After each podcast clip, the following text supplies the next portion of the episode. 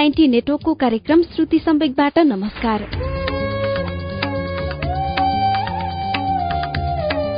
उज्यालो ninety नेटवर्कमा हरेक मंगलबार र शुक्रबार राति नौ बजेको नेपाल खबरपछि कार्यक्रम श्रुति सम्वेक प्रसारण हुन्छ। देशभरिका अठारवटा एफएम रेडियो स्टेशनहरूबाट एकैसाथ प्रसारण भइरहेको कार्यक्रम श्रुति सम्वेकमा हामी वरिष्ठ साहित्यकारहरूका उत्कृष्ट गद्यहरू वाचन गर्छौं।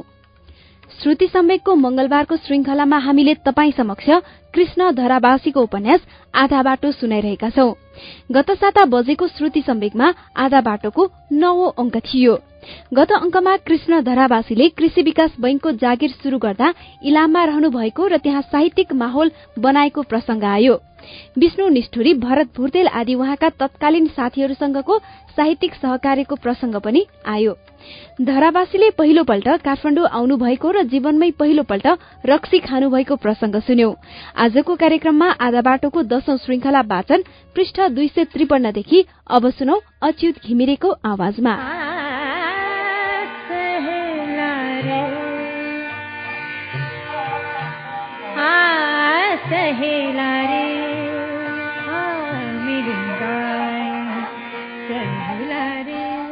कहिले नरिसाउने नझर्किने सहयोगी यी कार्के दाईसँग मैले एक वर्ष एउटै भाँडाको भात खाएर बिताएको थिएँ। मैले एक प्रकार उनलाई अभिभावक जस्तो ठानेको थिएँ। अविवाहित यी कार्के दाई साह्रै अन्तर्मुखी थिए। दुवैजना डिलको ढुङ्गोमा बस्यौँ। वर्षौंपछि भेट भएको आत्मीयहरूको जस्तो अवस्था भयो दुवैको। मैले बिस्तारै आफ्ना सबै कुरा बताएँ।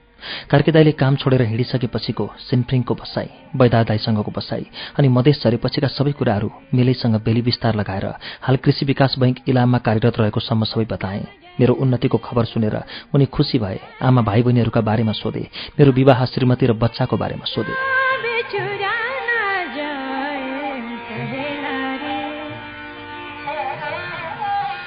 अनि मैले उनका बारेमा सोधेँ। उनले पनि आफ्नो जीवनको यो दस वर्षको लामो बेली विस्तार लाए। उनले भने बजै हिँडेपछि मलाई त्यो घरमा बस्नै मन लागेन। थाहै नभई त्यो घरभरि बजै नै बजै झरिए जस्तो भएको थियो मलाई। तपाईँले याद गर्नुभयो भएन तर मलाई बजैको साह्रै माया लाग्न थालेको थियो। उनी रिसाउँदा पनि खुसी हुँदा पनि मलाई आनन्द लाग्थ्यो। मैले बजैका लागि आफूले कमाएको पैसा पनि निकै खर्च गरेँ। मैले आफ्नो मनको कुरा भन्न त सकेको थिइनँ तर मलाई लाग्छ बजैले पनि म प्रति राम्रो विचार राखेकी थिइन्। उनी मलाई खुसी राख्न प्रयत्न गर्थिन्।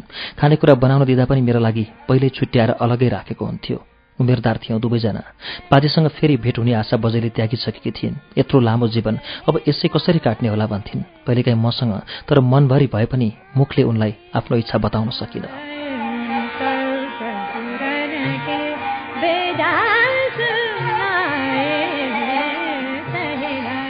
त्यत्तिकैमा गाउँमा हल्ला चल्यो।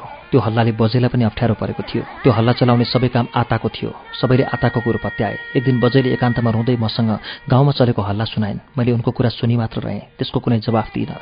बजैले रिसाएर त्यो दिन मलाई हातले धकेलिन्। मेरो शरीर सिरिङ्ग भएर आयो।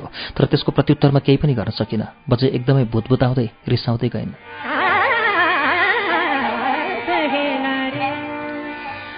त्यसको केही दिनपछि नै दसैँको छेक मधेस जाने कुरा भयो। हामीसँगै नै मधेस गयौँ। बाटामा तपाईँ र जमुनाबाट अघिपछि परेका बेला बजै र मेरा धेरै कुरा भए। मैले अब हाम्रो फेरि भेट हुँदैन होला भने बजैले किन हुँदैन? तपाईँ मधेस आउनु हाम्रो भेट हुन्छ। सल्लाह गर्नुपर्छ भनेकी थिइन्। कस्तो सल्लाह भनेकी थिइन् बजैले? थाहा भएन मलाई। आसाम तेजपुरका कुराहरू पनि गरेकी थिइन्। एकपल्ट त्यता जान मन लागेको पनि सुनाएकी थिइन्। मधेसबाट छुट्टिएर हिँड्नु पर्दा मलाई साह्रै गाह्रो परेको थियो। मुखले केही भन्न नसके पनि मलाई विश्वास थियो। बजैलाई पनि मसँग छुट्टिन मन थिएन तर मलाई लाग्छ त्यसबेला मैले बजैलाई दरो आँट गरेर आफ्नो मनको कुरा भनेको भए धेरै सजिलो हुने थिएन।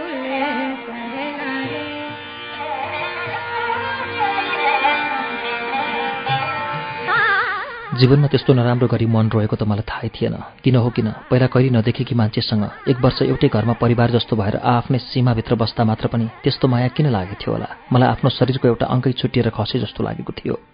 फर्केर यहाँ आएपछि पनि बजे नभएको त्यस घरमा मलाई एकछिन पनि बस्न मन लागेन। घरै अँध्यारो आँगनै अँध्यारो ती ढेकी जाँतो गाग्रो रछ्यान सबमा म बजैलाई देख्थेँ। बजै बिनाको त्यो घर मलाई मसान जस्तो लाग्थ्यो। त्यही भएर मैले काम छोडेँ।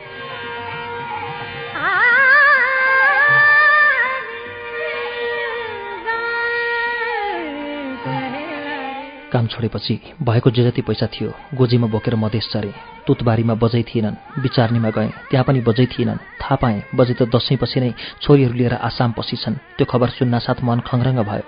शरीर त्यसै अप्ठ्यारो जस्तो भयो। विरक्त लागेर आयो। जतासुकैसम्म फैलिएको मधेस पनि चढ्नै नसकिने ठाडो उकालो भिर जस्तो लाग्यो। मधेस आउनु भेट हुन्छ सल्लाह गरौँला भन्थिन् तर मलाई नफर्के उनी हिँडिसकेछन्।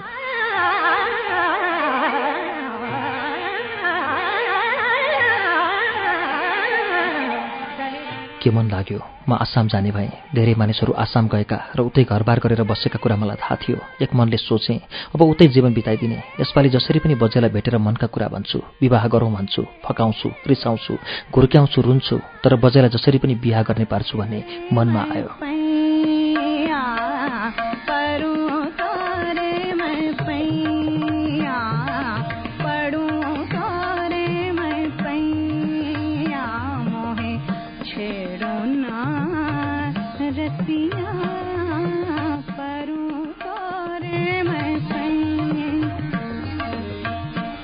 नभन्दै एक दिन न्यू जलपाइगुडीबाट म आसाम जाने रेलमा चढेँ। जीवनमा कहिले रेल नचढेको तर मनले आँटेपछि सबै थोक सजिलो र सहज हुँदो रहेछ।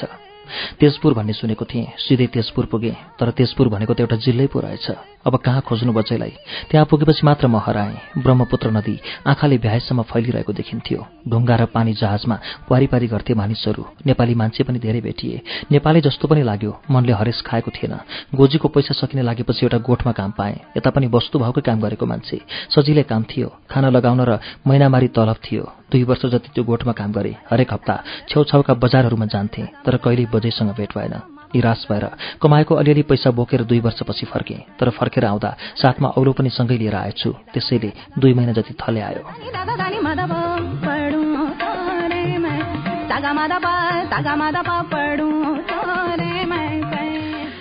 पनि आफ्नो भन्ने कोही र केही नभएको मलाई समात्ने व्यवहार केही थिएन। जाँदा जाँदा पनि हुने जे गर्दा पनि हुने तर घुमिफेरि फेरि यहीँ आएँ दैनिक रोजगारीमा काम गर्छु।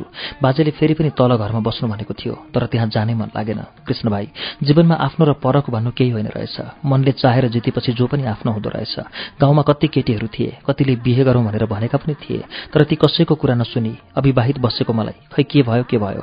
बजेसँग भेट भएपछि संसार प्राप्त भए जस्तो आफैलाई भेटे जस्तो जीवनमा उभिन पाए जस्तो। लागेको थियो।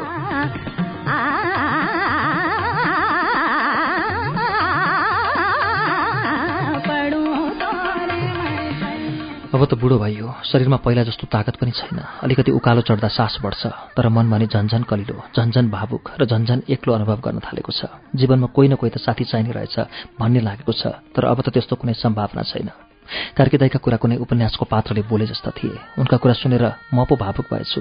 मलाई त्यस बेला कि बजै जमुना आता सबैको सम्झना आयो। आताले बेला बेला छड्के पाराले भन्थे। मिश्र बाजेले पनि भन्थे तर मैले त्यति मतलब राखेको थिइनँ। बजैको मनको कुरा प्रष्ट थाहा नपाए पनि एउटा अविवाहित प्रौढ कार्कीदाईको मनको कुरा सुन्दा मलाई आज साह्रै माया लागेर आएको थियो। समय निकै बितिसकेछ। मलाई बैङ्कमा भेट्न आउनु है भन्दै म बाटो लागेँ। उनी पनि ओह्रालै झरे। चुरे घाँटीतिर जान मन लागेन। सरासर बाटै बाटो इलामतिर फर्केँ।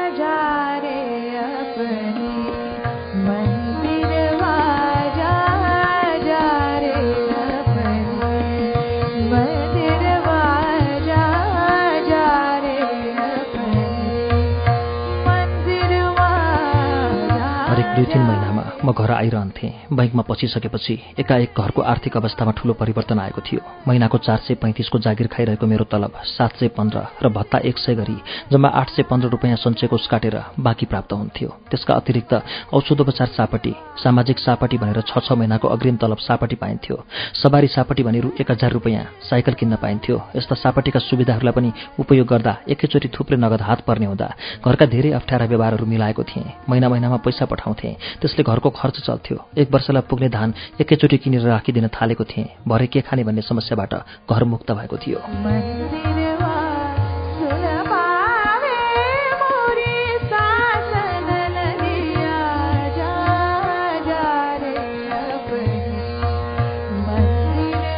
मैले जब वर्ष दिनमा पुग्ने अन्न सुरक्षित गर्न सकेँ त्यो दिन मलाई आफ्नो जीवनको सम्पूर्ण उद्देश्य पूरा भए जस्तो लागेको थियो। एक दिन मैले आमालाई भने अब यो चुर दोकान छोडे पनि हुने आमाले। बजारमा चुर दोकानहरू पनि धेरै भए। खासै बिक्री पनि हुँदैन। बरु घरमै बसेर आराम गर्नु कोठीबारीमा सागसब्जी लगाउनु। उहाँले भन्नुभयो तेरो कुरा त ठिकै हो तर यो पन्ध्र बिस वर्षदेखि लागेको बजार बस्ने बानी कसरी एकैचोटि छुट्छ? फेरि तेरो तलबले मात्र मेरो घरको सम्पूर्ण खर्च कसरी टर्छ?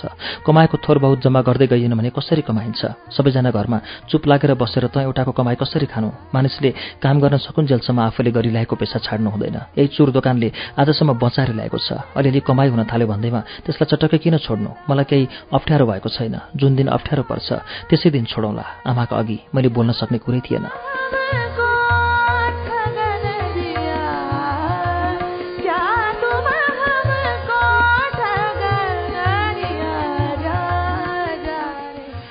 मेरो बैङ्कको जागिरले सबै आफन्तहरू प्रसन्न थिए ससुरालीहरू पनि प्रसन्न थिए श्रीमती पनि पहिलाभन्दा धेरै खुसी देखिन्थिन् भाइ बहिनीहरू पनि राम्रैसँग पढिरहेका थिए उनीहरूले पनि घरलाई गुल्जार बनाउँदै थिए।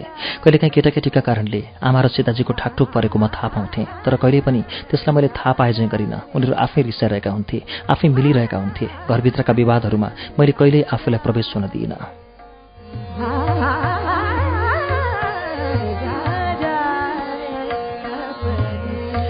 आमाले चुर दोकानबाट कमाइने पैसा बिस्तारै थोरै थोरै गरी सञ्चित गर्न थाल्नुभएको थियो। पहाडदेखि कस्तै दुःखका बेला पनि बचाएर ल्याएका सुनका गहनाहरू मामाहरूको जग्गा सम्बन्धी षड्यन्त्रमा परेर डेढ सय रुपियाँ तोलाका दरले मुरली घट्टानीलाई बेचेपछि आमाका नाककानमा गहना फेरि चढ्न पाएका थिएनन्।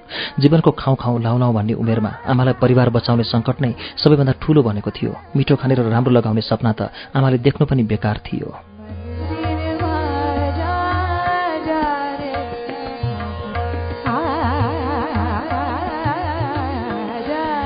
त्यसबेला बुच्चे बनेका नागखानमा अब गहना लगाउने रहर आमामा बिस्तारै पलाउँदै आएको थियो। त्यसका लागि मैले आमालाई अलग्गै पैसा त दिन सकिनँ तर उहाँले दोकानबाट कमाएको पैसाको पनि कुनै हिसाब खोजिएन। उहाँले सबैभन्दा पहिला कानमा लगाउने माडवारी बनाउनु भयो बिस्तारै बुलाकी फुली औँठी आदि बनाउँदै जानुभयो। आमालाई पहेँलो गहनामा देख्दा मन प्रसन्न भएर आउँथ्यो। कहिलेकाहीँ सीताजी पनि आफूलाई गहना लगाउन मन लागेको कुरा गर्थिन्। म उनलाई सम्झाउँदै भन्थेँ आमाले सारा घर गहना बेचेर हामीलाई हुर्काउनु भयो उहाँले गहना लगाउन रहर गर्नुभएको छ। तिमीलाई म पछि गहना किनिदिउँला। मनमा जे सोचे पनि उनले मेरो अनुरोधलाई मानेको अभिनय गर्थिन्। मनमा खुसी लाग्थ्यो। मलाई सीताजीले साह्रै सहयोग गरिरहेकी थिइन्।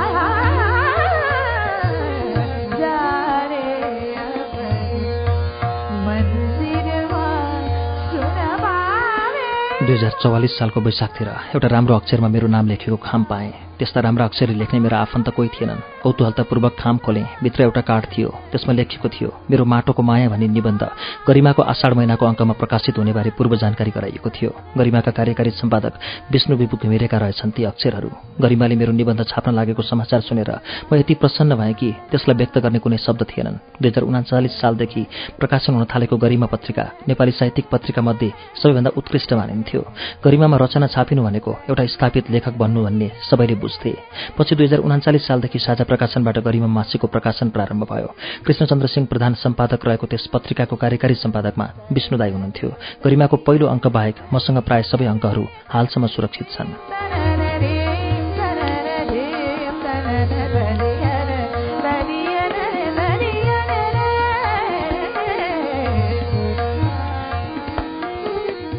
विष्णुदाई कार्यकारी सम्पादक रहेको गरिमा पत्रिकामा मैले सुरुदेखि नै रचनाहरू पठाउन थालेँ। कहिले कविता कहिले कथा कहिले निबन्ध पठाइरहेँ तर ती कुनै पनि छापिँदै थिए। गरिमामा रचनाहरू छापिए पनि नछापिए पनि पठाउन भने कहिले छोडिनँ मैले।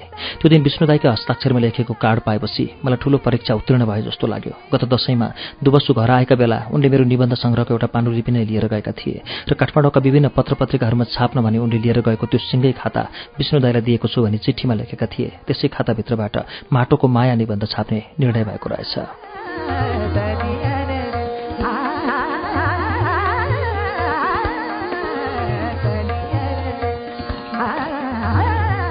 असारको गरिमामा माटोको माया भन्ने निबन्ध छापियो। नयाँ लेखकका रूपमा पढ्ने जति सबैले प्रशंसा गरे बधाई दिए हौसला बढाए।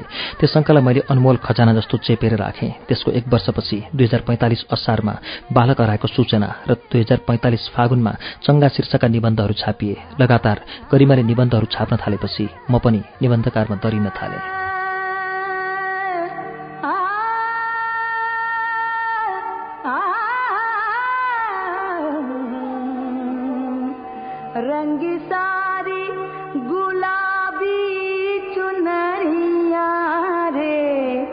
தங்கி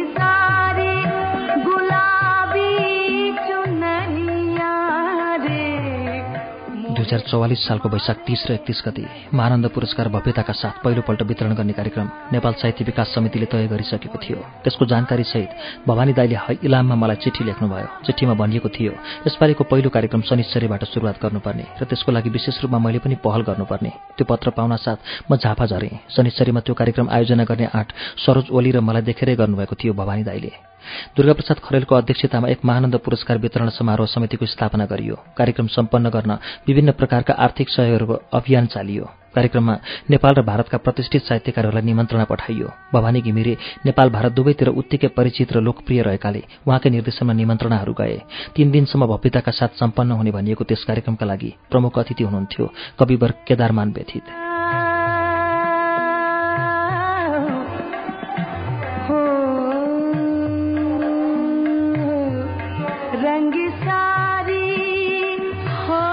देश विदेशका नेपाली साहित्यकारहरूको भव्य उपस्थितिका बीच दुई हजार चौवालिस वैशाख तीस गते बिहान एक विशाल जुलुसले बाजागाजा नाचगान कविता वाचन प्ले कार्ड आदिका साथ बजार परिक्रमा गरी महाकवि देवकोटाको शालिगमा माल्यार्पण गरी शनिश्चरी माविको प्राङ्गणमा भेला भयो। त्यो वर्षको पहिलो मानन्द पुरस्कारका लागि पूर्व घोषित गरिएका थिए दुईजना प्रतिभा। मानन्द पुरस्कारलाई दुई भागमा बाँडिएको थियो।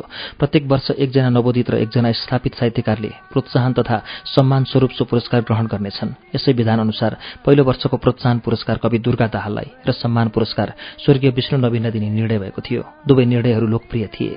बाजागाजा बजाउँदै बिहेको लगन गरे झैँ भव्यताका साथ पुरस्कृत प्रतिभाहरूलाई स्टेजमा लगेर फुलमाला अबिर आदिले पुरेर प्रदान गरिने पुरस्कारले जस कसैलाई पनि त्यो प्राप्त गर्न लालाहित तुल्याउँथ्यो।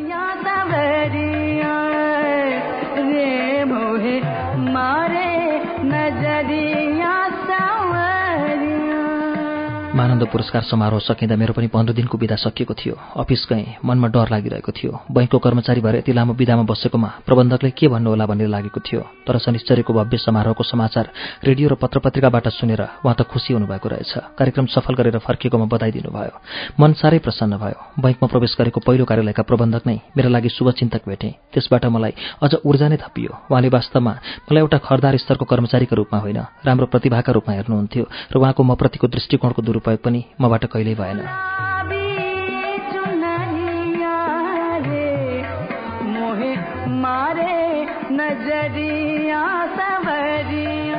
कार्यालयको टेबल काम त मबाट सजीव जति पनि हुन्थ्यो तर फिल्ड भ्रमणको काम भने मेरो लागि साह्रै कठिन हुन्थ्यो। सानैदेखि मधेस झरियो पहाडको उकालो ओह्रालो हिँड्ने बानी भएन अलिकति उकालो हिँडे स्यास्या हुने ओह्रालो हिँडे घुँडा काम्ने तर आफ्नो असक्षमतालाई कहिले व्यक्त गरिन। शरीरले नसके पनि मनले त्यससँग हार्न मन कहिल्यै भएन। भ्रमणको अनिवार्य व्यवस्था भएकाले सबलाई एक एकपल्ट कम्तीमा भ्रमणको पालो पुगोस्। गाउँ पनि घुम्छन् अनुभव पनि हुन्छ। अलिअलि पैसा पनि पाउँछन् भन्ने साझा भावनाको विकास भयो बैङ्कभित्र। एक प्रकारको अघोषित अनिवार्यताभित्र परेर एकपल्ट मैले पनि सात दिनको फिल्ड जानुपर्ने भयो। साङरुम्बा सिद्धेथुम्का सोयाक र चिसापानी चारवटा गाउँ पञ्चायतका ऋणीहरूसँग भेट गरी रकम असुल गर्न म एक्लैलाई भ्रमण आदेश दिइयो। एक त पहाड कहिले नहिँडेको। त्यसमाथि ती कुनै ठाउँ देखेका थिएनन्। ऋणीहरूका नाम ठेगाना र ऋण रकम तथा किस्ता र म्यादको विवरण टिपेर झोलामा तीन चारवटा चाउचाउका प्याकेट केही दबाईहरू बोकेर साङरुम्बातिर लागे।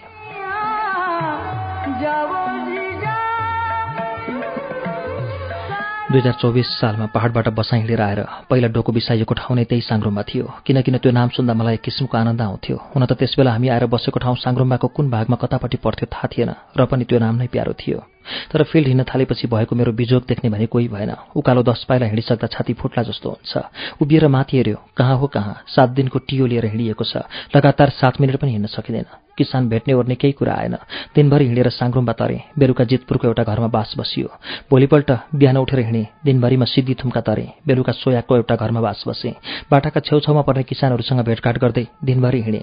बेलुका चिसापानीको एउटा गौतमका घरमा बास बसेँ। चिनाजानी परिचय हुँदा ससुराली घरमा पुगेछु। राम्रो मेजमानमा परेँ।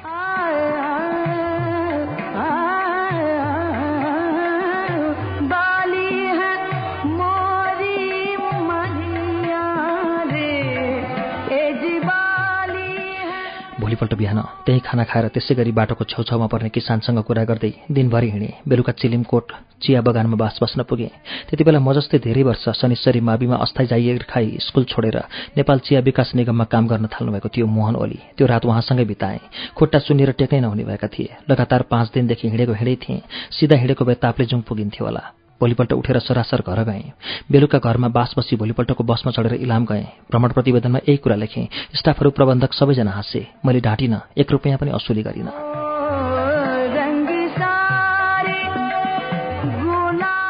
हामी अहिले उज्यालो नाइन्टी नेटवर्कको कार्यक्रम श्रुति सम्वेगमा उपन्यासकार कृष्ण धरावासीको उपन्यास आधा बाटो सुनिरहेका छौ। केही बेरपछि यसको बाँकी अंश लिएर आउने नै छौ। उज्यालो सुन्दै गर्नुहोला।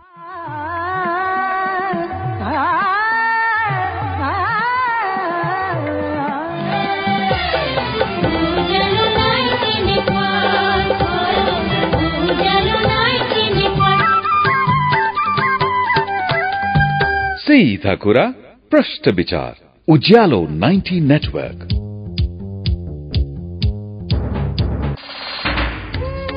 कार्यक्रम श्रुति सम्वेक तपाईँ अहिले उज्यालो नाइन्टी नेटवर्क काठमाडौँसँगै इलाम एफएम झापाको एफएम मेचिट्युन्स बर्दिवासको रेडियो दर्पण दोलखाको कालिचोक एफएम वीरगंजको नारायणी एफएम हेटौडा एफएम चितवनको रेडियो त्रिवेणीमा पनि सुनिरहनु भएको छ।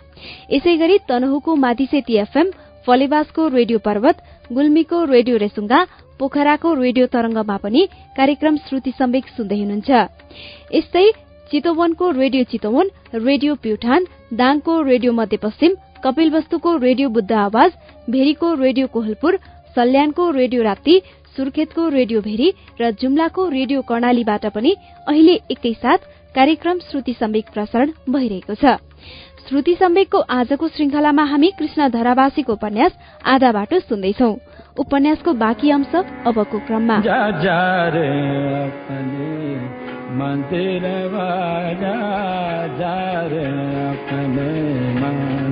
जा गत वर्षको पौषको खाताबन्दीको बोझदेखि म नियमित रूपमा अस्वस्थ थिएँ। त्यस भोजमा पियाइएको रक्सीले मलाई दीर्घकालीन असर गरेको थियो। त्यही हिउँदमा मुखमा दुवैपट्टि बङ्गारा पलाउने क्रममा गिजो सुन्निएको दस पन्ध्र दिनसम्म राम्ररी खानेकुरा खान नसक्दा शरीर एकदम कमजोर बनेको थियो।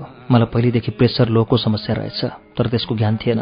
चिसोले मलाई प्रत्यक्ष असर गर्न थाल्यो। एकैछिनमा शरीर लल्याक लुलुक हुने चिसो पसिना आउने डर लाग्ने रिङ्गटा लाग्ने हुन थाल्यो। मेरो अवस्था खराब देखेपछि योगराज सरले मेरो सरुवाको निम्ति अञ्चल कार्यालयमा बारम्बार सिफारिस गर्न थाल्नुभयो। एकै वर्ष नपुगी सरुवाको सिफारिस हुन थालेकाले अञ्चल कार्यालयले त्यसलाई त्यति महत्त्वका साथ हेरेन। हाम्रै समूहका केही साथीहरू केटी काण्डमा परेर भागाभाग भइरहेका थिए। अञ्चल कार्यालयले तिनीहरूलाई अनकन्टारतिर सरुवा गरिदिँदै थियो तर मलाई त पहाडबाट मधेसमा झर्नु थियो। मधेसको सबैको नयाँ पोस्टिङ भएको हुँदा तुरन्त सरुवा गर्ने अवस्था थिएन रहेछ।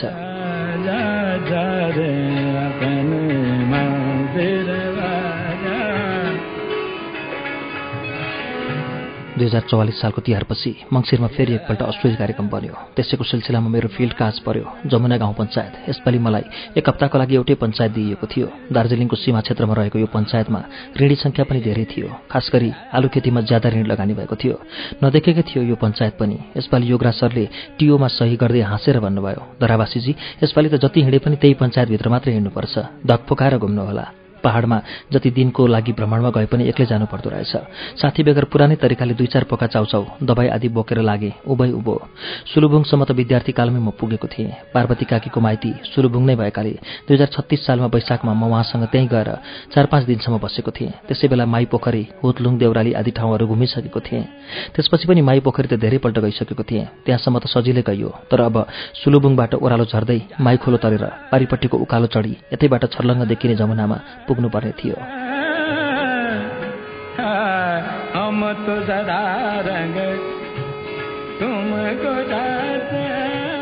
घाम अस्ताउन लाग्दा म जमुना बजार पुगेँ। जमुना बजार माई खोलो तरेर अलिकति चढेपछि पुगिहालिँदो रहेछ। माई खोलालाई देखेर म छक्क परेको थिएँ।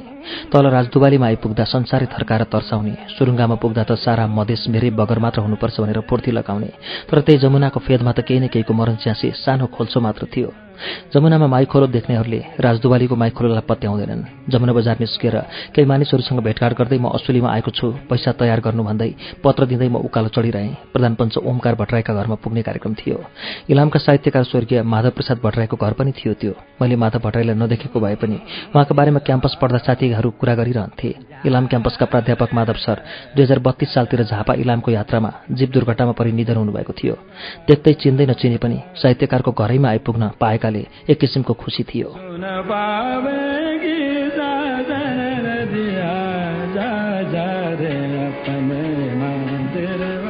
भट्टराईहरूको ठुलो समाज छ त्यहाँ। चिसुङ्खे भट्टराईहरू हुन्। जमुनाका सबै वशिष्ठ गोत्रीय सबै भट्टराईहरू एउटै बाबुका सन्तान भए तापनि झाङ्गिँदै गएको परिवारबाट छुटिएर अलग अलग बस्दै गएपछि ठाउँअनुसार भट्टराईहरूको शाखा विभिन्न नामले सम्बोधन हुँदै गयो। सिन्धुले गामनाङ्गे चिसुङ्खे र सालुके चार शाखामा विभाजित छन् भट्टराईहरू जेठो आगो सिन्धुलेपट्टिको म पर्थेँ।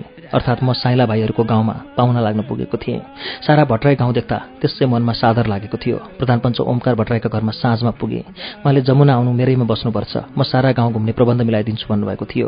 बेलुका धेरै बेरसम्म बसेर सामाजिक राजनैतिक साहित्यिक गफहरू भए। भोलिपल्ट बिहान उहाँले दुईजना मानिसलाई गाउँ घुम्न पठाउनु भएको थियो। दस बजेदेखि त मानिसहरू प्रधानपञ्चका घरमा ओहिरो लागे। त्यो दिनभरि आँगनमा बसेर रकम असुली गरेँ। मैले बोकेको सूची अनुसार त्यस भेगमा प्राय गाउँमा भएका सबै मानिसहरू आइसकेका थिए। अर्को दिन उहाँले एकजना मान्छे साथी लगाएर पारी इङ्ग्लातिर पठाइदिनु भयो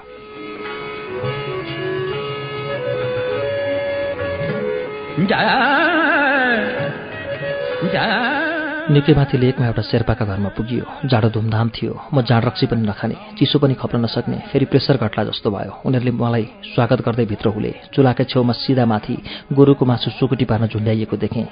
दिगमिग दिगमिग लागेर आयो। उनीहरूले त्यही तलको चुलोमा सपथोप पकाउँथे। तातो चिया घिउ र नुन हालेर दिए। खाएँ। त्यसले त शरीरको चिसो सबै काट्दो रहेछ। कुरा भयो ती शेर्पाले मकै खेतीमा पाँच हजार ऋण लगाएका थिए। भाका नागिसकेको थियो। तिर्ने बारेमा उनले कुरा गरे छोरो पारी गोर्खाल्यान्डमा लडाइँमा जागिर खान गएको छ। ऊ फर्केर आएपछि म पैसा लिएर आइहाल्छु। कति सजिलै उनले भनेका थिए तर मलाई भने उनको कुरा सुनेर अचम्म र दुःख दुवै लाग्यो। स्वतन्त्र गोर्खाल्यान्डको आन्दोलन लडिरहेका थिए पारी दार्जिलिङमा नेपाली मूलका मानिसहरू सुभाष घिसिङको नेतृत्वमा चलेको त्यस आन्दोलनले थुप्रै नेपाली जातिकै मानिसहरू मरिरहेका थिए। गोर्खाल्यान्डकै लडाइँ उनीहरूको आफ्नो लडाइँ थियो तर हाम्रोतिरको बोर्डरका अधिकांश युवकहरू घिसिङको पक्षबाट लडाइँमा भागिन त्यता पसेका रहेछन्। धेरै मर्नेहरू त यतैका केटाहरू मरेछन्। मर्ने मरि गए बाँच्नेहरूले लुटपाट गरेर फेला पारेको थोर बहुत जेथो लिएर आउँदा रहेछन्। नपढेका गाउँका बेरोजगार केटाहरूलाई बाबुआमाले नै राजी खुसीसँगै पठाउँदा पनि रहेछन्।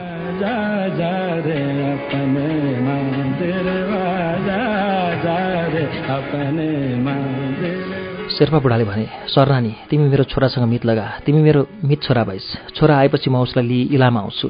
मैले त्यत्तिकै हुन्छ भनेर टाउको हल्लाइदिएँ तर मेरो मन ज्यादै दुखिरहेको थियो।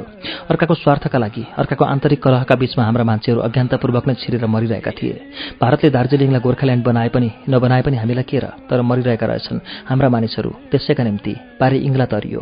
प्रत्येक ऋणीले थोर बहुत पैसा बुझाउँथे प्राय सबैले भारू बुझाउँथे। त्यो देख्दा मलाई लाग्यो त्यहाँका अधिकांश मान्छे निर्भर रहेछन् पारी भारतीय भूमिबाट। उनीहरूको किन्ने बजार र बेच्ने बजार दुवै उता रोजगारीमा जाने पनि उतै। उता नेपालपट्टि त खालि भोट हाल्ने नागरिकता बनाउने आदि मात्र। आधा मानसिकता उनीहरूको भारतीय नै थियो। सानोतिनो कुरा गर्दा पनि उतैपट्टिको गर्थे। पारीकै नेताहरू उनीहरू धेरै चिन्थे। गोर्खाल्यान्डमा मरेका यतापट्टिका केटाहरूको कुरा गर्दै बहादुर रहेछ शहीद भयो भन्थे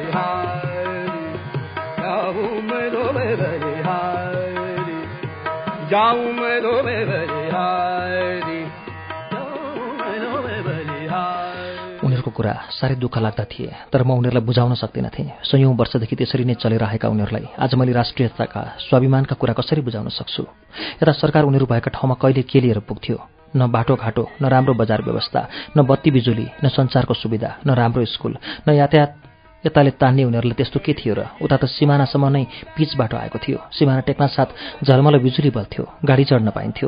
यताको माल उता लगेर बेच्दा डेढा भाउ पाइन्थ्यो। मलाई लाग्यो प्रत्येक सिमानाको मानसिकता यस्तै त होला नि देशैभरि। उत्ताकाहरू चीनतिरको भरमा दक्षिणकाहरू भारतको भरमा बीचका अलिकति मान्छेहरू नेपाली हुन खोज्दा रहेछन्। टेक्नै कठिन। पाँच दिनको जमुना भ्रमणमा मैले भारू बिस हजार रकम असुली गरेको थिएँ। सबै रकम झोलामा बोकेर डाँडा खोल्सा पाखा घरै घर घुमेँ। गाउँभरि हल्ला थियो। कृषि बैङ्कको कर्मचारी पैसा उठाउन गाउँ पसेको छ भन्ने। तर कुनै कुनै प्रकारको असुरक्षाको भावना आफूलाई पनि आएन। अरू कसैले सतर्क हुनुपर्छ पनि भन्नेनन्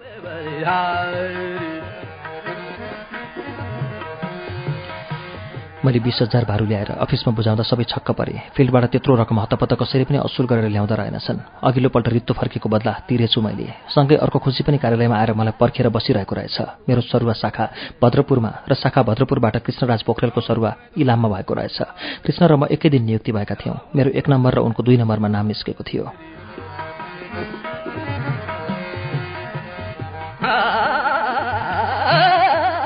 अत्यन्त मिलनसार साथी कृष्णले मेरो स्वास्थ्यको विषयमा गम्भीर भएर मेरा लागि उनले शाखा भद्रपुरबाट इलाम जान तयार भई म उनको ठाउँमा शाखा भद्रपुर सरुवा भएको थिएँ। म इलाम पुगिसक्दा सबैको मुखमुखमा मेरो सरुवाको समाचार थियो। सरुवाले म जति खुसी भए पनि इलामका साथीहरू भने खुसी थिएनन्। सबैभन्दा दुःखी भएका थिए मेरा सहवासी मित्र कमलेश तिवारी दुर्गा भाइ र सानो केटो लेखनाथ। इलाम पुगेका केही दिनदेखि एउटै डेरामा बस्दै आएका तिवारीजी मलाई आफ्नै दाजु जस्तो मान्थे। उनलाई मैले आफूसँग राखेपछि इलामको मेरा सबै सम्पर्कमा उनी पनि आउन पाएका थिए। इलाम उनलाई पनि परदेश जस्तो लागेको थिएन।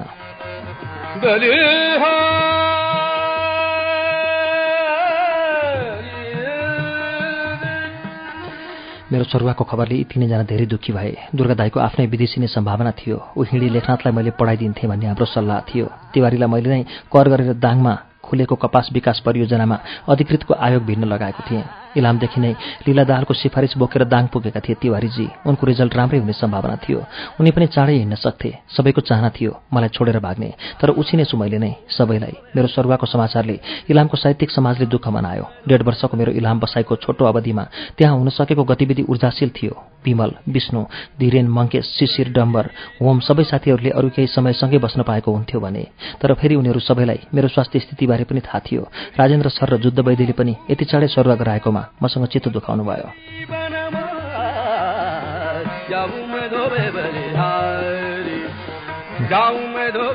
नगर प्रतिभा विकास शाखा इलामले भव्य विदाय कार्यक्रम गर्यो। एउटा प्रशंसा पत्रसहित साहित्यिक भेलाको आयोजना भएको थियो। धर्मदाई भरत भुर्तेल दुवैजना म हिँड्न लागेकोमा चिन्तित थिए। पछि भन्थे दुर्गादाई मलाई गाडी चढाएर फर्किसकेपछि साह्रै नराम्रो गरी रोए रे तिवारीजी। त्यो सुन्दा पछिसम्म पनि मेरो मनमा गाँठो परिरह्यो। आज तिवारीजी कहाँ छन् थाहा छैन। कपास विकास अधिकृतमा परीक्षा पास गरेर दाङ जाँदा मसँग शनिश्चरीमा एक रात बास बसेर विदा भएका थिए। पछि कृषि शाखामा अधिकृत भएपछि धनकुटाबाट दुईवटा पत्र पठाएका थिए। त्यसपछि हराएको मान्छे आजसम्म सम्पर्कमा छैनन्। दुर्गादाई पनि त्यसको केही छ महिनापछि छ महिनाका लागि बेलायत गए जाँदा एक रात मसँग बिताएका थिए। सानो केटो लेखु फेरि नामसालिङ फर्किएछ। मङ्सिर पाँच गते म शाखा भद्रपुरमा हाजिर भएँ।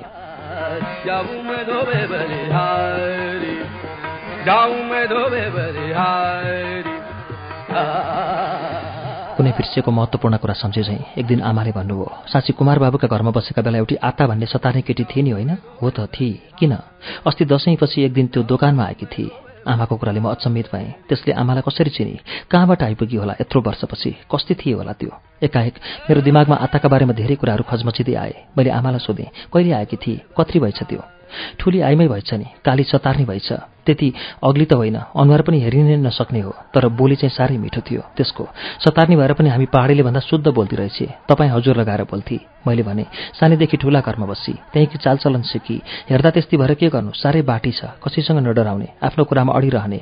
आइमाई जतिसुकै बाठी भए पनि के हुन्छ र? लोग्ने मान्छेको फन्दामा परेपछि आइमाईको बाटोपन सबै कहाँ भाग्छ भाग्छ? बिहे गरेपछि छोरीहरू लाटिएको तँलाई के थाहा छ र? आमाले भन्नुभयो के भन्थे त आता? कहाँबाट आइछे?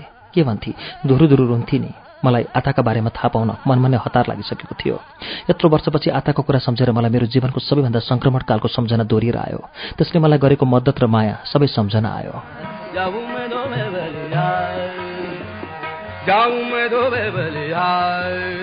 आमाले बताउनुभयो छ महिनाकी सुत्केरी रहेछ। एउटी राम्री छोरी पाएकी थिए तर आमा छोरी दुवै हेरिन सक्न थिए आताका खुट्टा अनुहार सबै सुनिएको थियो। सानी छोरी ख्वाक ख्वाक खोकिरहन्थे। लुगा पनि थोत्रा पुराना थिए। कपाल कहिलेदेखि कोरेकी थिएन। त्यसले तपाईँलाई कसरी चिनिछ त? मैले बिचमा प्रश्न सोधेँ। झिर्केको दोकानमा दुई महिनादेखि भाँडा माझ्ने काम गरिदिरहेछ एक दिन कुरै कुरामा तेरो कुरो चलेछ अनि झिर्केकी स्वास्नीले म भएको ठाउँमा ल्याएर चिनाइदिए। त्यसको अवस्था सुनेर मलाई साह्रै माया लाग्यो। आफन्त भन्ने कोही नभएकी टुरी केटी थिए त्यो।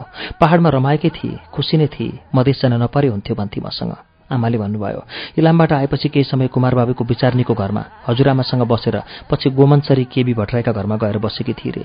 उसलाई राम्रै थियो रे घरधन्दा गर्यो बडार कुडार गर्यो चिया खाजा बनायो घरभित्रकै कामले फुर्सद थिएन रे। त्यस घरमा एउटा कामी हली थियो रे।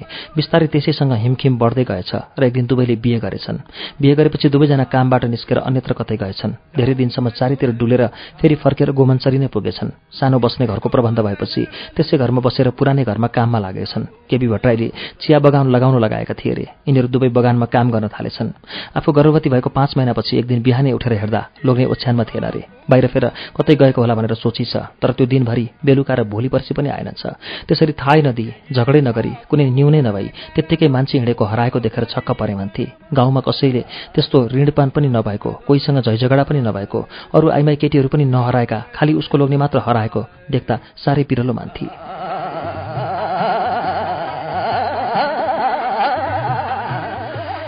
आमाले बताउनु भयो आता भन्थे मलाई काली नराम्री सतार्नी देखेर हिँडेको भए पनि राम्री केटी लगेको भए हुन्थ्यो धन कमाउन टाढै जान्छु भनेको भए पनि सल्लाइले गएको भए हुन्थ्यो। मान्छे धेरै नबोल्ने काम गरिरहने माया लाग्दो थियो। सानैमा आमा बाबु खसेको। मावलमा हुर्केको मै जस्तो टुक्रा थिए। कसैले साह्रो हकारे रोइहाल्लान् जस्ता थिए। गुमनसरीमा आएर तीन वर्षसम्म हली भएर बसेपछि त्यही घरकै सदस्य जस्तै भएका थिए। कतिजना मान्छे फेरिँदा पनि उनी चाहिँ मालिकहरूका भर पर्दा भनेका थिए। खाजा पुर्याउन जान्थे पानी पुर्याउन जान्थे। कहिले हलोको सियोको पछि पछि मकैका बिउ झार्न जान्थे। उनी कम बोल्ने भए पनि मै धेरै बोलिरहन्थे। बिस्तारै मायाप्रति बस्दै गयो। एक दिन मैले नै बिहे गरौँ भने निकै दिनसम्म त्यस कुराको जवाफ दिएनन्। हाँसी मात्र रहे।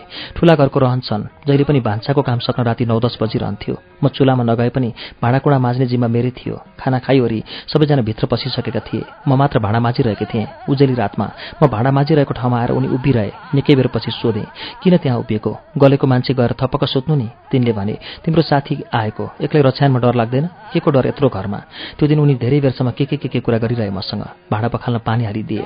सफा गरेका भाँडाहरू दैलाको ठेलासम्म ओसारिदिए। मैले भने बिहे गरौँ भन्दा चाहिँ टेर पुच्छर अनि अहिले यो के को माया देखाएको? त्यही त भनौँ भनेको। के साँच्चै मसँग बिहे गर्ने? गर्ने र त भनेको। नभए के खाँचो थियो त? त्यसपछि उनले मसँग बिहे गर्ने निदो गरे।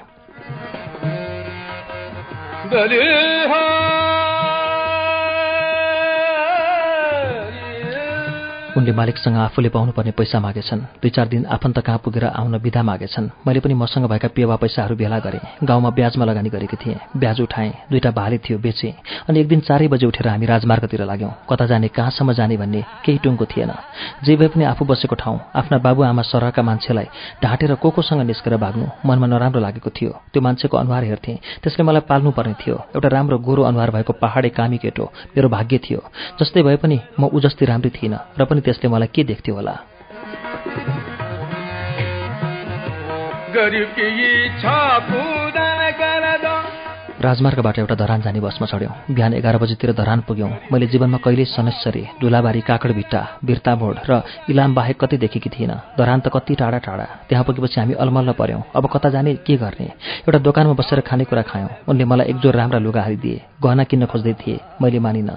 मलाई गहनाको रहर पनि थिएन। हामीले धरानका मन्दिरहरूमा पूजा गऱ्यौँ जुन मन्दिरमा गए पनि उनी भित्र पस्न डराउँथे। मैले उनलाई सम्झाएँ किन मन्दिरमा पस्न डराएको? देउता त सबैका हुन्। तिमीलाई यहाँ कसले चिन्छ र?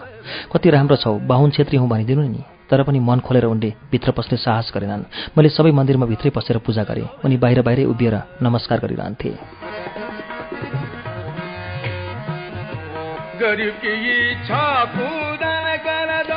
एक हप्ता जति घुमेर एक दिन साँझ हामी टुप्लोको गोमान्सरीमा उत्रियौँ। जता जता घुमे पनि हाम्रो जाने ठाउँ कहीँ रहेनछ हामी आएको देखेर घरका मान्छे खुसी पनि भए रिसाए पनि। बिहे नै गर्छु भनेको भए राम्रोसँग बिहे गरिदिन्थ्यौँ नि। किन भाग्नु पर्थ्यो? कति खोज्यौँ हामीले?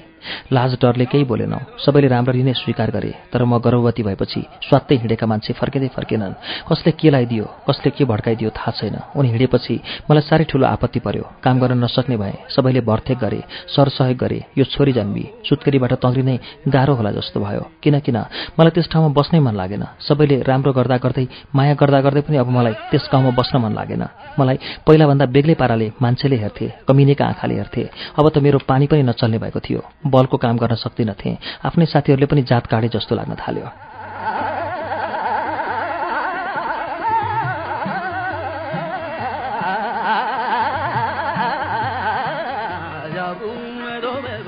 मलाई कमिनी बनाएर तिनी कता गए गए। त्यसै पनि म सतार्की छोरी थिएँ। तर त्यस बेलासम्म मेरो पानी चल्थ्यो। सबैले मैले छोएको पानी खान्थे। तर अब म अछुत भइसकेकी थिएँ। त्यही पिरले मैले त्यो ठाउँ छोडेँ। यहाँ आएर पनि तल कुमार बाबुकोमा जान मन लागेन। अनि यहाँ होटलमा भाँडा माझेर बसेको दुई महिना भयो। दिनभरि चिसोमा बसेर भाँडा माझ्दा माझ्दा हेर्नु न हातमा औलाका काप कापमा पानीले खाएर सबै घाउ भयो। खुट्टा सुन्निएका छन्। अनुहार पनि सुन्निएर डम्म हुन्छ कहिले त। यो छोरी पनि सधैँ बिरामी भइरहन्छे। तागतिलो खानेकुरा पाए पो खाओस्। दुध पनि त्यति आउँदैन। अगाउँदिन जस्तो लाग्छ। रोइरहन्छ कार्यक्रम श्रुति सम्वेकमा अहिले वाचन भएको कृष्ण धरावासीको नयाँ उपन्यास आधा बाटो थियो। आज दशौं श्रृंखलामा कृष्ण धरावासी कसरी साहित्य क्षेत्रमा उदाउँदै जानुभयो भन्ने प्रसंग आयो। कृषि विकास बैंकको जागिरमा पहिलो पल्ट फिल्ड जाँदाको अनुभव र साहित्यमा उहाँ लाग्दा बैंकले गरेको सहयोगको पनि प्रसंग आयो। आजको वाचनको अन्त्यतिर आएको आताको प्रसंग साह्रै नै मार्मिक थियो। बाँकी प्रसंग अर्को श्रृंखलामा आउने नै छन्। हवस् त श्रुति सम्वेकमा आज वाचन गरिएको उपन्यास आधा बाटोबारे तपाईँका केही प्रतिक्रिया सल्लाह सुझाव वा विश्लेषण भए हामीलाई लेखेर पठाउनुहोला। हाम्रो ठेगाना हो कार्यक्रम Shruti Samveg Ujyaalo ninety network post box number छ चार छ नौ काठमाडौँ। हाम्रो इमेल ठेगाना हो S H R U T I Shruti at UNN dot com dot NP आउँदो साता आजको दिन आजकै समयमा कृष्ण धरावासीको आधा बाटोको बाँकी श्रृंखला लिएर आउने नै छौं। त्यसअघि शुक्रबारको श्रुति सम्वेकमा पनि हाम्रो भेट हुने नै छ। त्यसबेलासम्मका लागि प्राविधिक साथी दिनेश निरौला र विशालजित पालिकेसँगै अच्युत घिमिरे र म सजिता हमाल विदा चाहन्छौ। शुभरात्री।